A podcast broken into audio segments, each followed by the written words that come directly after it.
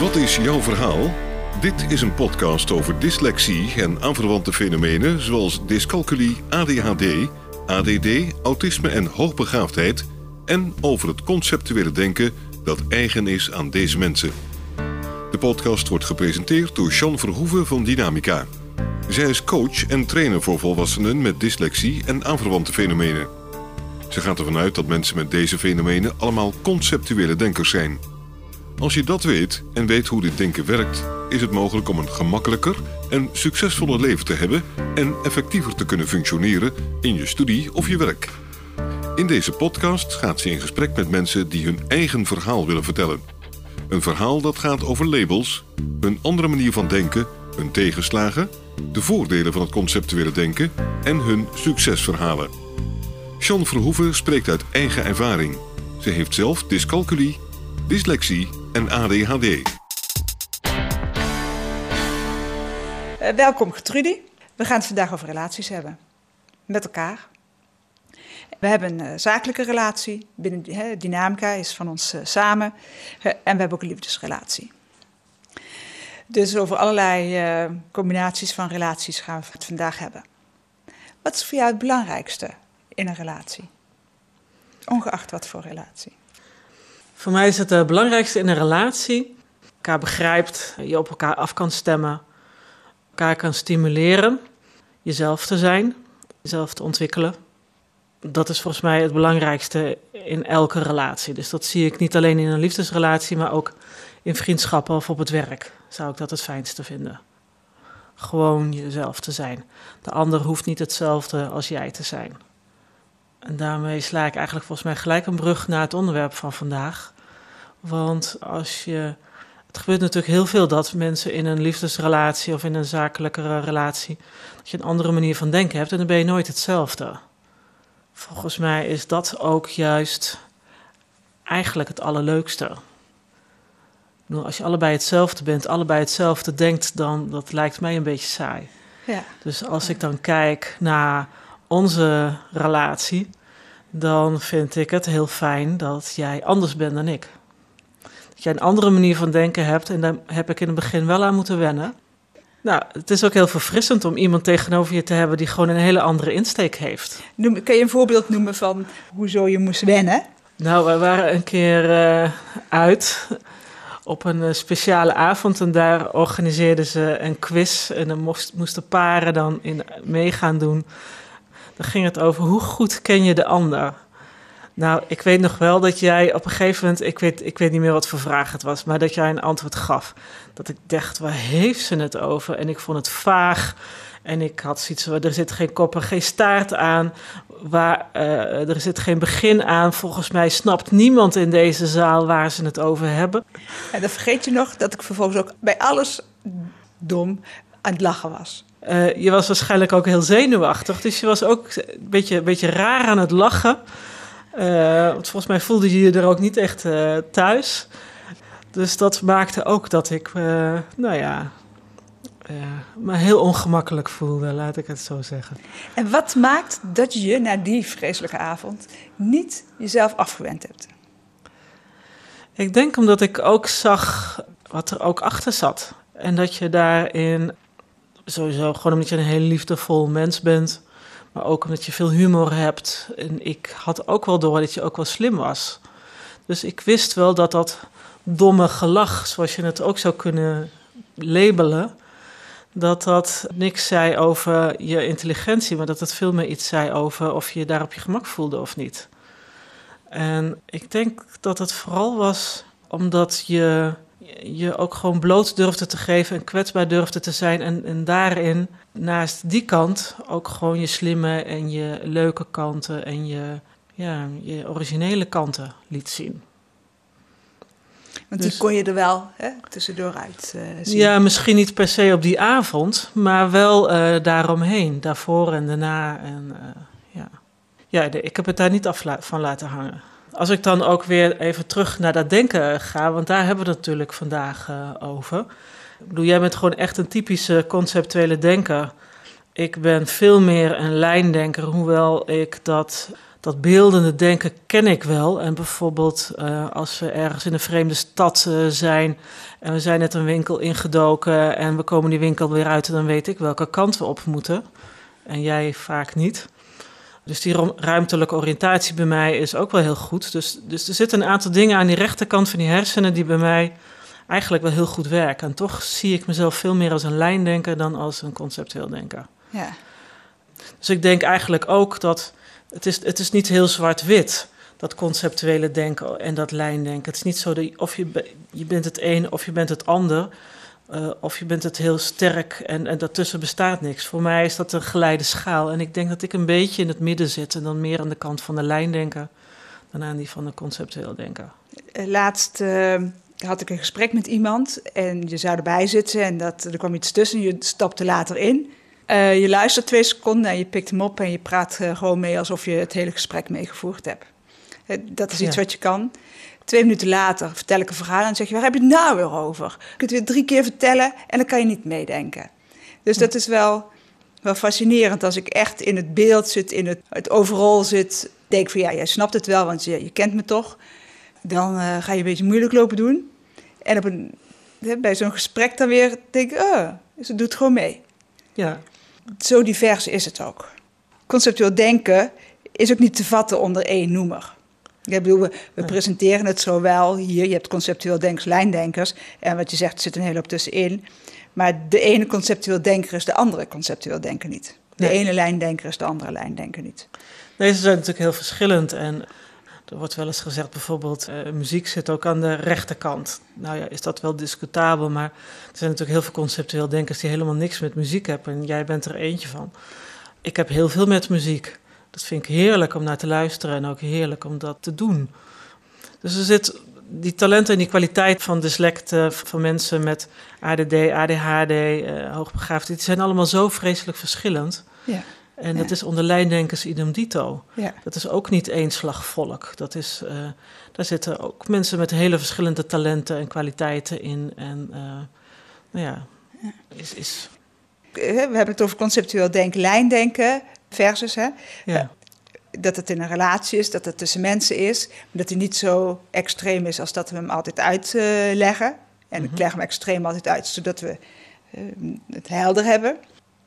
En, en nog een, een, ander ding hè, waar we in onze relatie, hè, of nou zakelijk is of thuis, veel mee te maken hebben, is met orde scheppen. Ik zeg altijd, uh, Gertrudie kan orde scheppen, maar kan geen orde houden. Oh ja. En ik weet nog dat ik uh, weer eens een studie ging doen. En dat er een stapel boeken op het bureau lag. En dat je zei, wat doen die boeken daar? Ik zeg, ja, die moeten in mijn hoofd. En toen zei je, die kunnen daar niet blijven liggen. Ik zeg, ja, wat dan? Ze kunnen nergens naartoe. Oh jawel, zeg je. Dus je rommelt wat. Vijf minuten later is een plank uh, verlegd en passen de boek in de kast. Hm. En dan is het op orde. Verder loopt de hele dag dingen op je achter je aan op te ruimen. Dus hè, jij kan de orde houden, je kan orde scheppen, waardoor het allemaal past. Ja. Waarmee het niet ja. wil zeggen dat ik je er niet op aan mag spreken, maar dat ik niet hoef te verwachten dat het anders uh, gaat. En dat zijn twee verschillende dingen. Ja. Want wat we natuurlijk in een relatie veel verwachten is dat we die ander vera veranderen. Ja. Ja. En als we het hebben over conceptueel denkers, hè, iemand die zijn afspraken niet nakomt, uh, wat ik veel hoor hier, hè, ruzies gaan nog alles over de te laat komen, hè, die tijd, over afspraken niet nakomen. Ja, je mag er wel, hè, het, is, het is belangrijk dat je het steeds benoemt, maar dat je het uh, niet verwacht dat iemand verandert. Ja. Ja, en dat vind ik wel inderdaad ook een heel belangrijk aspect in een relatie. Dat het, ik vind het heel belangrijk dat je de andere niet wil, niet wil veranderen. Ja. En, uh, en die neiging is er natuurlijk wel. Zeker als je niet weet dat de ander een conceptueel denker is uh, en jij een lijndenker bent. Dus dat je allebei op een andere manier denkt. Want we denken altijd uh, dat. dat bedoel, we hebben nooit geleerd dat er verschillende manieren van denken zijn. Ik bedoel, je weet wel dat de een uh, op de PvdA stemt en de ander op de VVD. En dat je in die zin een andere mening hebt. En dat de een meer links georiënteerd is en de ander meer rechts georiënteerd is. Maar dat is dan politiek uh, gezien. Maar dat het echt fysiek anders georganiseerd is in die hersenen. Dat je dus een rechtsbreinig persoon bent of een linksbreinig persoon bent. En dat die twee manieren van denken een andere logica hebben. Dat geeft natuurlijk heel veel uh, zaden tot, tot ruzies, misvattingen, misverstanden. En ook de neiging om de ander, nou ja, raar of anders te vinden. Of het vreemd te vinden dat hij het niet op de manier doet waarop jij iets wil doen. Of waarop jij het belangrijk vindt dat het gedaan wordt. Dus dat. Uh, nee, dat vind ik wel fijn in, in, in onze samenwerking. Ik geloof dat wij niet proberen om elkaar te veranderen. Dat zowel op, op, op liefdesvlak thuis uh, of uh, hier op het werk hebben we gewoon wel allebei echt onze taken. Uh, jij bedenkt gewoon veel meer allerlei initiatieven van goh, we moeten dat eens gaan doen of we moeten dat eens uh, gaan doen om het wat meer bekend te maken wat wij doen. Ja, ik roep altijd wat en even later staat het op de website. Ja, precies. Ja. ja. En zo zijn natuurlijk ook onze boeken opgebouwd. Ik roep, ik vertel, ik schrijf en jij uh, maakt er een mooi verhaal van. Ja, dus zo krijg je een hele duidelijke taakverdeling. En dan moet je maar net het geluk hebben dat de ene conceptueel denker is en de andere lijndenker. Want dan kan je eigenlijk heel goed bouwen. Als je bij allebei conceptueel denkers bent, dan kan het zijn dat die dingen misschien weer uh, ja, anders lopen. Of dat je daarin nou ja, misschien elkaar ik, minder aanvult. Het is natuurlijk altijd handig als de verschillende kwaliteiten in huis zijn. Dat er één iemand de administratie kan en, hè, en de ander, ik, ik roep ook altijd, ik doe de was en getruide administratie. En dan lijkt de was minder dan administratie, maar die was is ook een berg. Waar het over gaat is dat je elkaar aanvult. Ja. Laatst kreeg ik uh, nog een vraag en die zei van... Goh, als je hè, uh, ook zo slim bent hè, en dan ook nog zo conceptueel denken bent... en jullie kennen elkaar al zo lang... iemand nodig hebt die jou aanvult... Hoe, hoe, hoe doe je dat in een relatie? En toen zei ik ook... Ik wil iemand die mij aanvult, maar niet aanvult op het administratieprobleem... maar aanvult in mijn levenswens. En wat bedoel je daarmee? Ik wil iemand die mij aanvult. Het is niet zo dat je een wensenlijstje hebt met van goh, ik ben slecht in de administratie, ik uh, vind het lastig om orde aan te brengen, ik kan ook nog slecht schrijven, dus als ik een relatie aanga, dan wil ik iemand die dat allemaal kan. Nee, je zoekt naar iemand die, waarvan je denkt van wauw, die wil ik. Ja, precies. Waar je uh, op valt, waar je verliefd op wordt. Ja. En dan, God zegen de greep. En dan we hopen dat het ook nog op andere vlakken een beetje aanvult. Ja. ja. En als je elkaar respecteert op wat er is, dan kan de rest ontstaan. Mm-hmm. Kijk, ik snapte natuurlijk meteen dat jij kon schrijven en kon praten. En uh, toen ik jou uh, leerde kennen, pas jaren later zijn we dat gaan gebruiken. Ja. Omdat het zo uitwerkte. Gaandeweg. Ja. Dus dat is wel, dat is wel belangrijk. En uh, ik vroeg het net aan jou, maar wat ik wel belangrijk vind in een relatie is volgens mij is het belangrijkste vertrouwen en de ruimte. Ja. Ja. Zodra ik niet de ruimte krijg voor iets, ja, haak ik af en vertrek ik. Eh, niet letterlijk, ga niet letterlijk de deur uit, maar waar ze vertrouwen is en de ruimte, respect, vertrouwen en ruimte.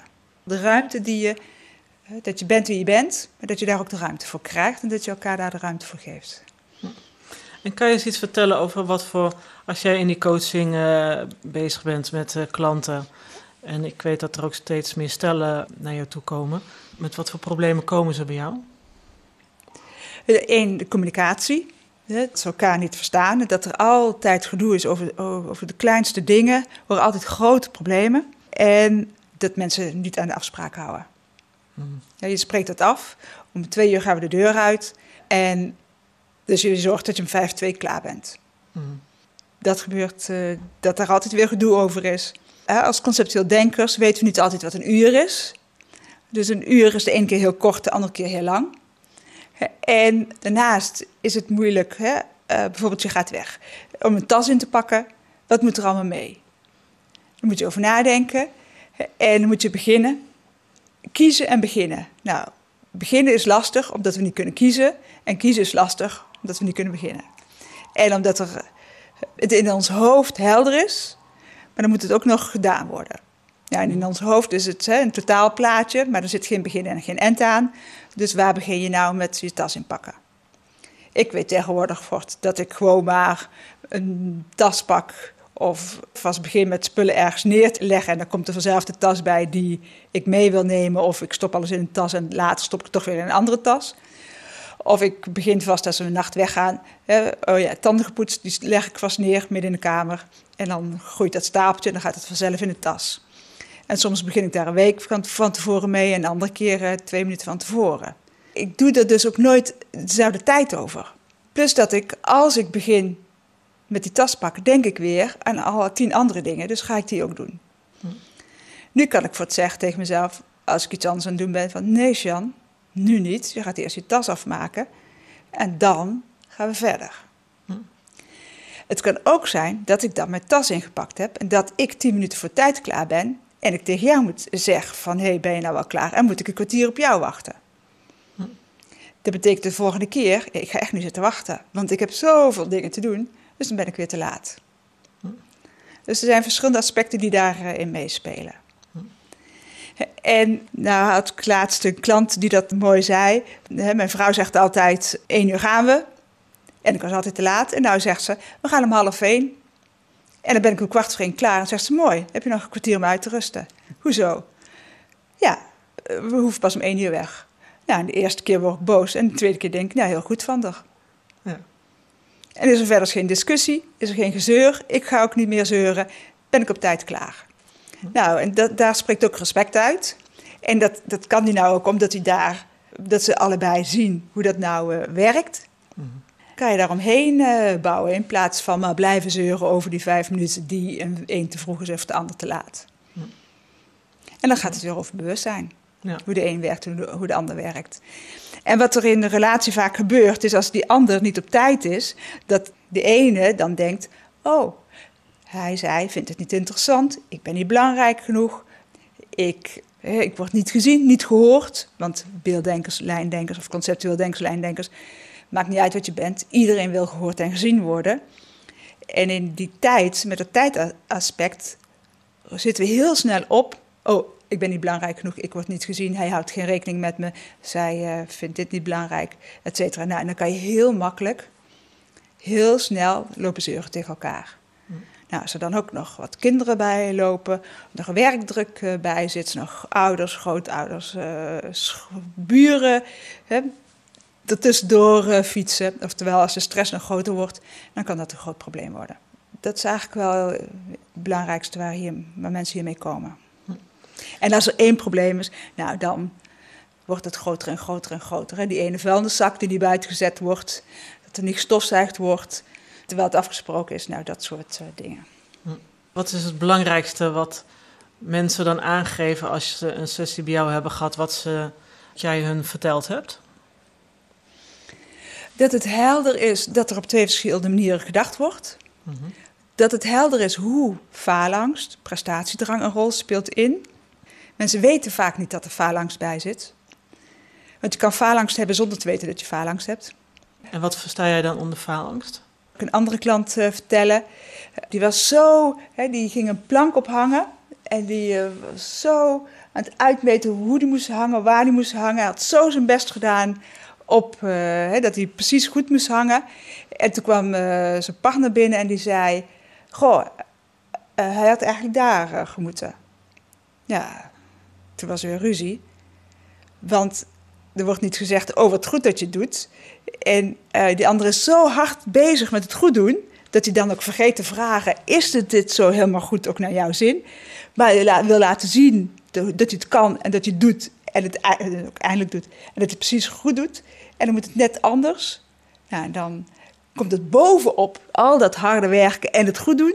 Nou, dan zakt alles weer uh, in één. Ontploft hij? Ontploft, ja. Ja, dan ontploft hij. Nou, dan heb je dikke... Uh, dan heb je een probleem. Ruzie. Ja. En dat is niet leuk. Nee. nee. En dat wil je allebei niet. Nee. Oké, dus faalangst, uh, dat dat zichtbaar wordt. Op de een of andere manier stress uh, dat is een belangrijk uh, onderdeel erin. Wat nog meer? De een de ander gaat ontzien. Zo van, oh ja, god, die is dyslectisch. Die heeft het al zo zwaar. Laat ik het maar niet nog een keer benoemen. Laat ik het maar voor deze keer maar zitten. Dat je voorzichtig wordt met elkaar. Waardoor je elkaar niet uitspreekt. En waardoor de een voelt dat hij eigenlijk... Ja, dan word je ook niet helemaal gerespecteerd. dus dan ben je allebei hard aan het werk. En dan, nou, dan worden dingen vaag zoals jij dat net zo mooi kan zeggen. Maar dan loop je allebei op eieren. Ja, en dat is funest ook. Ja, dat ken ik trouwens ook wel heel goed hoor. Dat ik jou ga ontzien. Ja, oh, vertel eens. nou ja, als er inderdaad een, een, moment is dat er druk is, dat er van alles heeft uh, gespeeld. En er moet inderdaad nog iets ingepakt worden of even iets geregeld worden. Als jij echt onder stress staat, dan kan je ook nogal opvlammen. Dus dat ontzien van de ander, omdat die uh, toch al zoveel op de bord heeft, dat, uh, dat ken ik ook al, ja. Waarom doe je dat dan? Omdat ik gewoon geen zin heb in, uh, in een ontvlamde sham. Als je het dan doet, zonder het mij te vragen, en dan doe je het weer net even anders dan ik gewild heb, om, ja. plof ik nog. Ja, die kans zit erin. Ja. Ja. Ja, dat loopt, volgens mij loopt het ook wel regelmatig mis als ik dat doe. ja, dus het is een mooi voorbeeld om het niet te doen. Ja. Ja, en het laatste wat ik wil is dat je mij ontziet. Ja, als je nou ook dan kijkt naar de, de verschillende manieren waarop wij toch ook dingen aanpakken. Ja. Zijn er dan dingen waar jij je dan aan irriteert? Ja, nou schieten er zo verschillende voorbeelden door mijn hoofd. Zijn we bezig en dan ga jij iets helemaal uitspreken. Tot in detail ga je elk woord noemen. En dan denk ik, kom, schiet op. Ben niet achterlijk, ben niet dom. En dan voelt het voor mij meteen alsof je, alsof je mij even laat zien hoe goed jij dat kan. Of dat ik het niet kan. Want ik heb, die phalanx is toch niet helemaal opgeruimd bij mij. Hè? Maar dan ga je zo in detail. En dan denk ik, kom, schiet op. Want dan raak ik ook weer mijn dingen een beetje kwijt. Uh, oh, dat was een leuk voorbeeld. We gingen naar de uitgever, ons, uh, ons laatste boek. en bij de uitgever heb ik iets verkeerd gezegd. En jij meteen erbovenop, dat kan je zo niet zeggen. Dus ik zeg, oké, ik leg het uit. Ik leg nog een keer anders uit hoe ik het bedoel. Nou, het gesprek ging verder goed, goed afgerond. Staan we buiten, zeg je, oh, dat had je niet mogen zeggen. Ik heb het toch uitgelegd, ik heb het toch glad gestreken. Of, uh, en vervolgens zitten we in de trein, krijg ik nog een keer te horen. Nou, en zijn we thuis, uh, zijn we uh, twee dagen verder. Zeg je, ja, zo had je dat niet mogen zeggen. En ik weer, ik zeg, ik heb het toch uitgelegd? En toen dacht ik, oh wacht. En toen kon ik de vraag stellen, ik zeg, waarom zeg je dit nou? Doe je dit nou om mij naar beneden te werken? Doe je om nou constant te laten zien dat ik iets verkeerd doe? En wat, toen zei jij, weet je nog wat je zei? Nee, ik weet, nee, ik weet het echt niet meer. Nee, ik wel. Ik ben helemaal niet met jou bezig. Ik ben zelf dat gesprek aan het uh, analyseren. Ja. Dus die, dan voelt het alsof je steeds zegt dat ik iets niet goed doe. Hm. En met mijn faalangst over het toch goed willen doen en dingen verkeerd zeggen, denk ik meteen: oh, ik doe het weer verkeerd. Daar reageer ik vanuit, terwijl het daar bij jou helemaal niet over gaat. Nee, want op het moment dat ik een heel verhaal aan het vertellen ben en jij al lang iets hebt van, oh, ik, maar ik weet het al lang, want dan zie ik soms jouw ongeduldige gezicht wel eens uh, voor me. En, en dan denk ik van, oh god, ze wil weer dat ik stop met praten.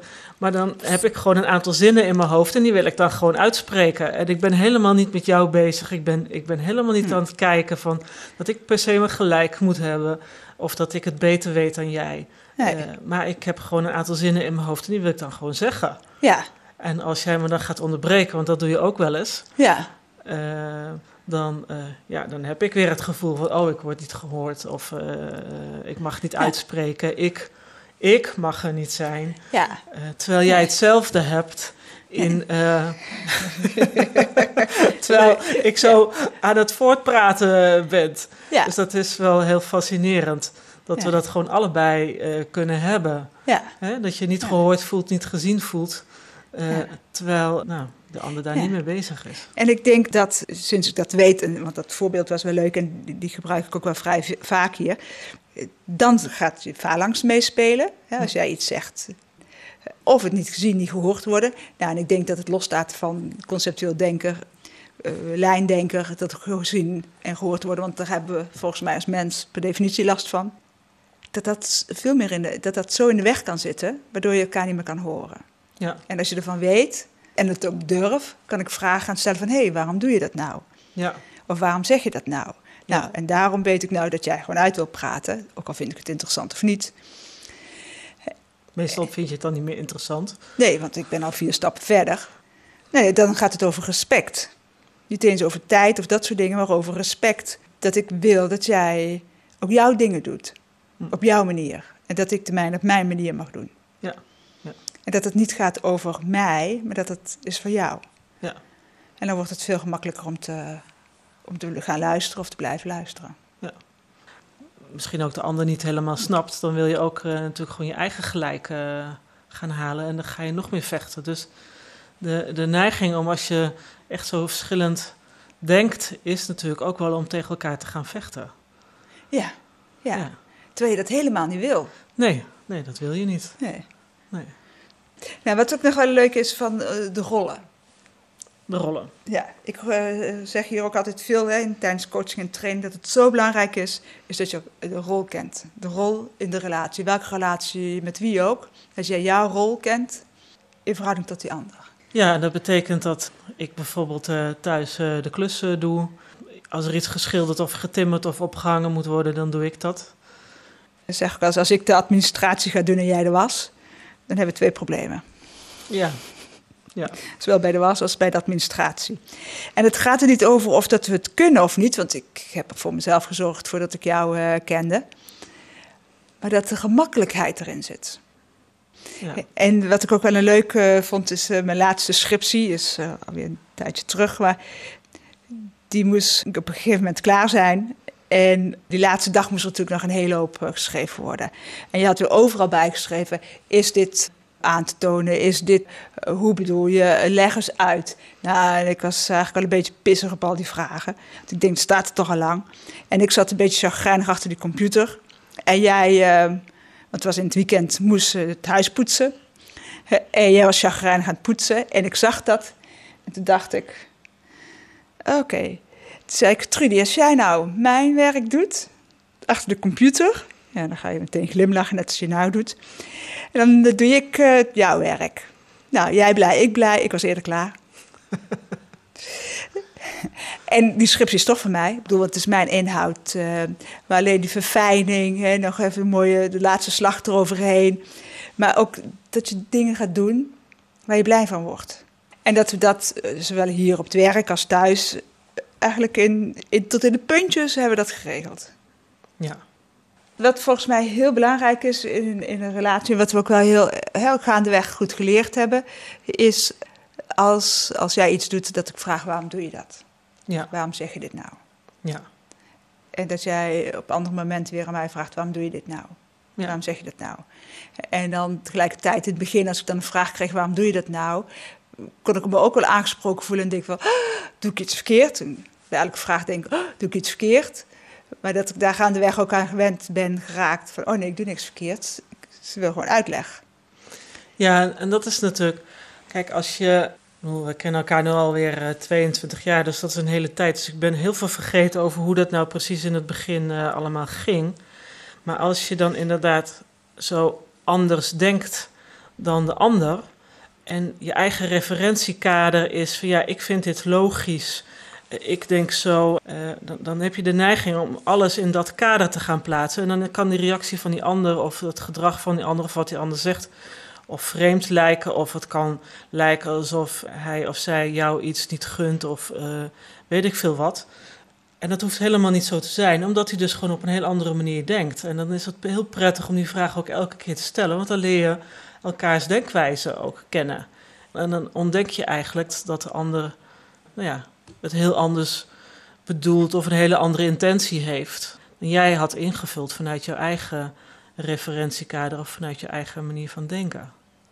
Dus ik denk dat dat wel een hele belangrijke is. Wat bedoel je daarmee? Waarom zeg je dat?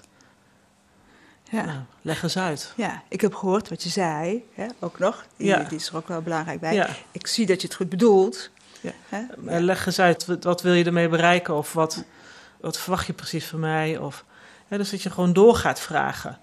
Terwijl die vragen misschien in instantie niet, niet prettig zijn of niet leuk lijken. Terwijl ze in principe het zijn hele neutrale vragen. Ja. Maar ja, het helpt wel om het begrip tussen elkaar te vergroten. Ja. Ja, dan, als je dan zegt zijn neutrale vragen, dan is het inderdaad, neem ik ze neutraal op of neem jij ze neutraal op. Hè? Het belangrijke is als je met elkaar hè, bent, met elkaar werkt, uh, dat je kijkt ook uh, wiens stress zit waar op. En hoe kunnen we zorgen dat het zo stress, zo min mogelijk stress is? Dat is ook zo belangrijk. Uh, bij alles. En uh, je hoort aan mij, hoe ik doe, je ziet en hoort aan mij. Wanneer ik in de stress zit, ik zie het en hoor het bij jou. En dan kan ik denken, ja, hierover hoef je niet in de stress te zitten. Dan denk ik, oh nee, hierover zit ze dus in de stress. om dat even te benoemen. En dan uh, te zorgen dat er tijd komt om dingen uit te spreken. Of, ja. Uh, ja. ja. Of, nou, en ook om met elkaar uh, te zijn. Ja. Nou ja, dan moet ik gelijk weer denken aan als we bijvoorbeeld in de auto zitten en we rijden rond Parijs, wat natuurlijk altijd heel stressvol is. En dan moet je de goede baan gaan nemen, want er liggen daar bij wijze van spreken drie banen naast elkaar die allemaal in verschillende richtingen uitgaan. Ja, ja, en als ik dan achter het stuur zit dan, uh, en dan zeg je ja, bij die blauwe pijl eraf. Als jij in de stress zit, dan uh, kan ik niet zeggen je moet naar links of naar rechts. Want dan is jouw hele gevoel van links of rechts is weg. Dan zeg ik uh, mijn kant of jouw kant. Uh, maar soms pak je zelfs die niet. Maar als je dan drie lanen hebt, ja. welke pak je dan? Die ene met dat groene bord erboven, die ene met die blauwe pijl erboven... of die ene waar nog een rode stip uh, op dat ding uh, staat. En dan zeg ik daar iets van en dan heb je zoiets hè, welke blauwe pijl? Wat is het nou? Ik kan niet met cijfers werken. Als ik zeg je moet de A1 hebben en niet de A17 dan, uh, dan pak je hem ook niet. Dus soms weet ik gewoon ook echt niet meer welke, welke aanwijzing ik jou moet geven, zodat jij de goede kant op gaat. Nou, wat we tegenwoordig wat heel goed doen, is voordat we, want we rijden dan om de beurt een stuk, dat we een stad inrijden, gaan we ruilen. Of we checken heel goed hè, hoeveel energie heb je nog, ja. zodat we niet met stress de stad inrijden. Ja. Of eh, ook al is het nog tien minuten naar iets, en dat we zeggen van oké, okay, zo hier nog even ruilen. Ja. Dat is een hele belangrijke en honger. En dan zit er ook nog hè, het klein volk op de achterbank. Want daar zit ik dan ook nog mee, uh, hè, dat die op tijd uh, moeten eten en moeten slapen. En dan zit ik dus weer met een hele hoop hè, meer dan alleen daar en daar, hier. Nou ja, omdat we daarin ook steeds beter op, op, elkaar ingespeeld zijn door te zeggen van we stoppen op tijd. Als we om zeven uur een hotel willen hebben, dan gaan we om vijf uur zoeken. Ja. En dat we ook goed kijken van oké, wie is nu het meest ontspannen? Wie kan in deze situatie nu het beste rijden? Ja. En inderdaad, dat we vooral uh, uh, hier en daar vermijden en uh, ja. meer mijn kant, jouw kant. Ja. Of de eerste of de tweede afslag. En als we het niet weten, dan rijden we gewoon nog een rondje rond de rotonde. Lang leven de rotondes, hè? Ja, precies. Heb je nog een tip voor mensen in relaties? Ik vind het bijvoorbeeld heel erg leuk om de stad in te gaan en te gaan winkelen. En ik weet dat jij dat niet leuk vindt. Ik vind het wel ook leuk om gewoon samen met jou naar zo'n stad te gaan. Dus wat we bijvoorbeeld dan uh, regelmatig uh, doen, dan, zoeken we gewoon een leuk terras op. En jij gaat op dat terras een boek zitten lezen. En ik ga uh, winkelen en vervolgens kom ik weer terug en jij vertelt wat jij hebt gelezen en ik vertel wat ik al heb gezien. En we gaan verder samen koffie drinken of we gaan wat eten. En dan hebben we toch een dag samen dat je daarin ook gewoon verschillend mag zijn. Dus dat je in, in dat wat je leuk vindt, dat wat je belangrijk vindt, dat je en je eigen eigenheid gewoon kan hebben. En dat, dat wat je wel samen hebt, dat je dat gewoon ook samen kan delen. Ja. Dus dat je daar een goede balans in vindt van, van wat je samen doet, wat je alleen doet, zonder dat, het, uh, dat daar een waardeoordeel aan vast uh, zit. Uh, zonder dat daar ja. iets aan moeten aan vast ja. zit. Ja. En heb jij dan nog een tip? Dat we zo geneigd zijn om ons te bewijzen in een relatie dat we het zelf kunnen, dat we het allemaal kunnen en dat we het ook vinden dat we het allemaal moeten kunnen. Kijken, desnoods met z'n twee, van waar, waar ben ik me aan het bewijzen en om dat op niet meer te doen. Ja. Ja. En ik krijg natuurlijk ook vaak telefoontjes uh, van ja, partner heeft een eigen bedrijf, maar kan de administratie niet. Ik zeg welke directeur moet poetsen zijn eigen wc. Je hoeft niet alles te kunnen. Huur mensen in, door als je je minder bewijst, dan kan je relaxe dingen doen en kan je makkelijke dingen doen waar je niet goed in bent. En mocht je dan nog meer tips uh, willen hebben over hoe je dat bijvoorbeeld in je liefdesrelatie wil doen, wij hebben ook een partnerworkshop die we één keer per jaar organiseren. Op de agenda staat de eerstvolgende datum. En uh, daar kan je ook altijd met je partner naartoe gaan. Die workshop wordt geleid door Sjan in haar ja. eentje. Of kom voor individuele coaching voor jou, jullie als stijl. Ja, dat kan ook. Ja. Goed, nou, ik hoop dat jullie veel plezier aan deze podcast hebben gehad. En wij gaan weer een nieuw leuk thema bedenken waar wij weer eens met z'n tweeën over gaan praten. En een ja. podcast over gaan maken. Dank jullie wel. Tot ziens. Tot ziens. Wil je reageren op deze podcast of heb je vragen? Stuur dan een mail naar podcast.dynamica.nl. De reacties zullen worden meegenomen in volgende podcasts. John Verhoeven geeft coaching, workshops en trainingen. Wil je meer informatie? Kijk dan op www.werkendyslexie.nl of www.geniaaloprechts.nl of bel 020 639 1099 020 639 1099. Jean Verhoeven heeft twee boeken geschreven over dyslexie: Slimmer dan je baas en Dyslexie, Stoornis of Intelligentie. Deze boeken zijn te koop in elke boekhandel. Stuur de podcast door naar iedereen waarvan je vindt dat ze meer zouden moeten weten over dyslexie, ADHD, ADD, dyscalculie, autisme en hoogbegaafdheid en het conceptuele denken. Deze podcast is gemaakt in samenwerking met Marcel de Hoog van Storytelling Media. Hij verzorgt de technische, redactionele en morele ondersteuning. Tot de volgende aflevering.